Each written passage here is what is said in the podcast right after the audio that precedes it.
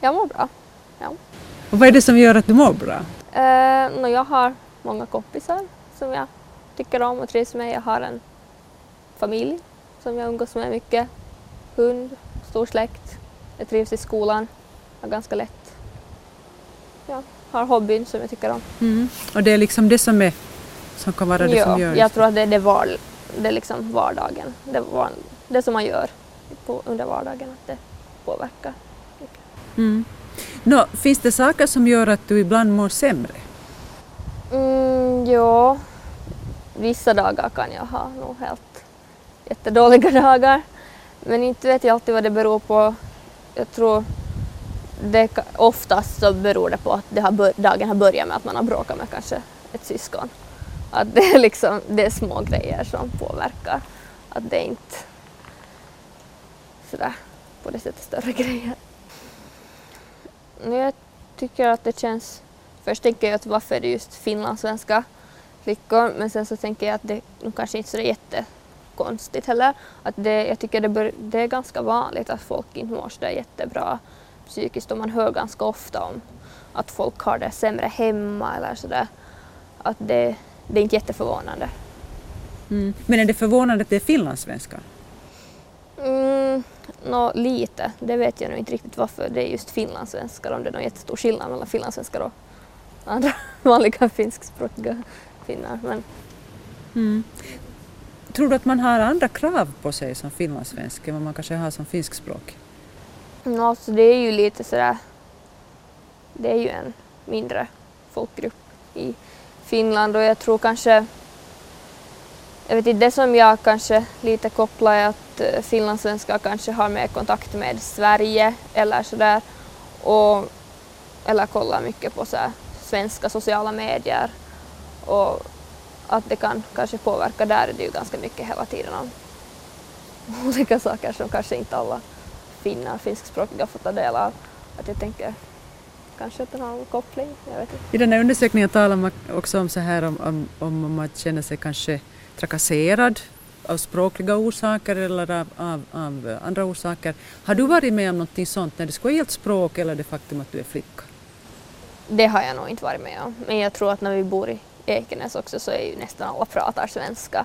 Att det är inte på det sättet. Här hör man bara, här har jag nog inte hört något dåligt om att, det, att jag pratar svenska. Att det,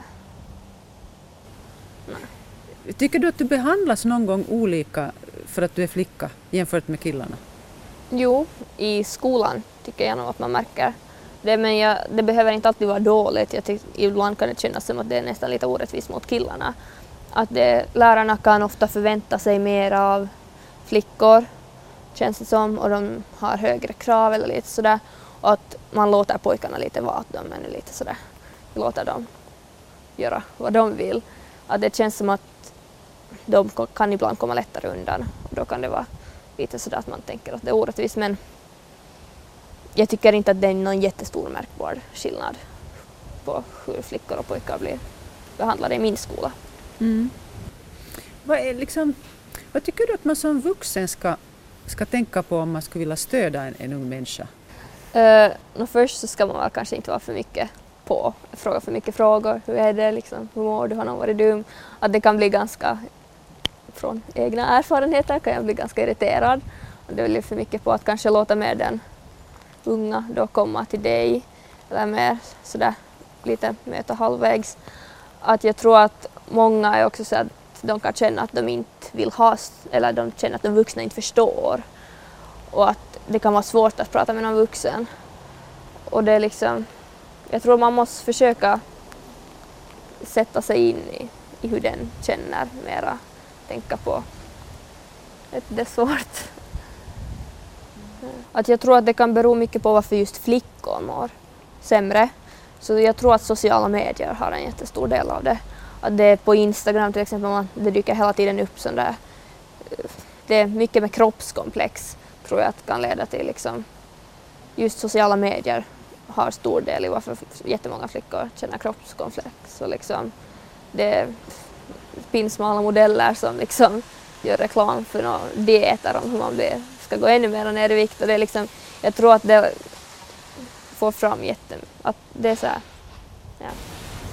Finns det någonting man kan göra åt det då? Kan man komma åt det där? Liksom? Men det är nog så svårt för det är så alla de där sociala medierna, det går ju inte att styra för det är ju överallt finns det. Det finns på alla sociala medier och var man än läser så finns det jättemycket sånt där att jag tror inte att det går inte att stoppa det på det sättet. Men jag tror att om man själv märker att det påverkar en negativt så tror jag att man själv bara måste försöka kanske stänga av telefonen. Liksom att jag tror inte att någon annan kan göra det, det är en själv som måste. Och det är ju synd att det är så. Men.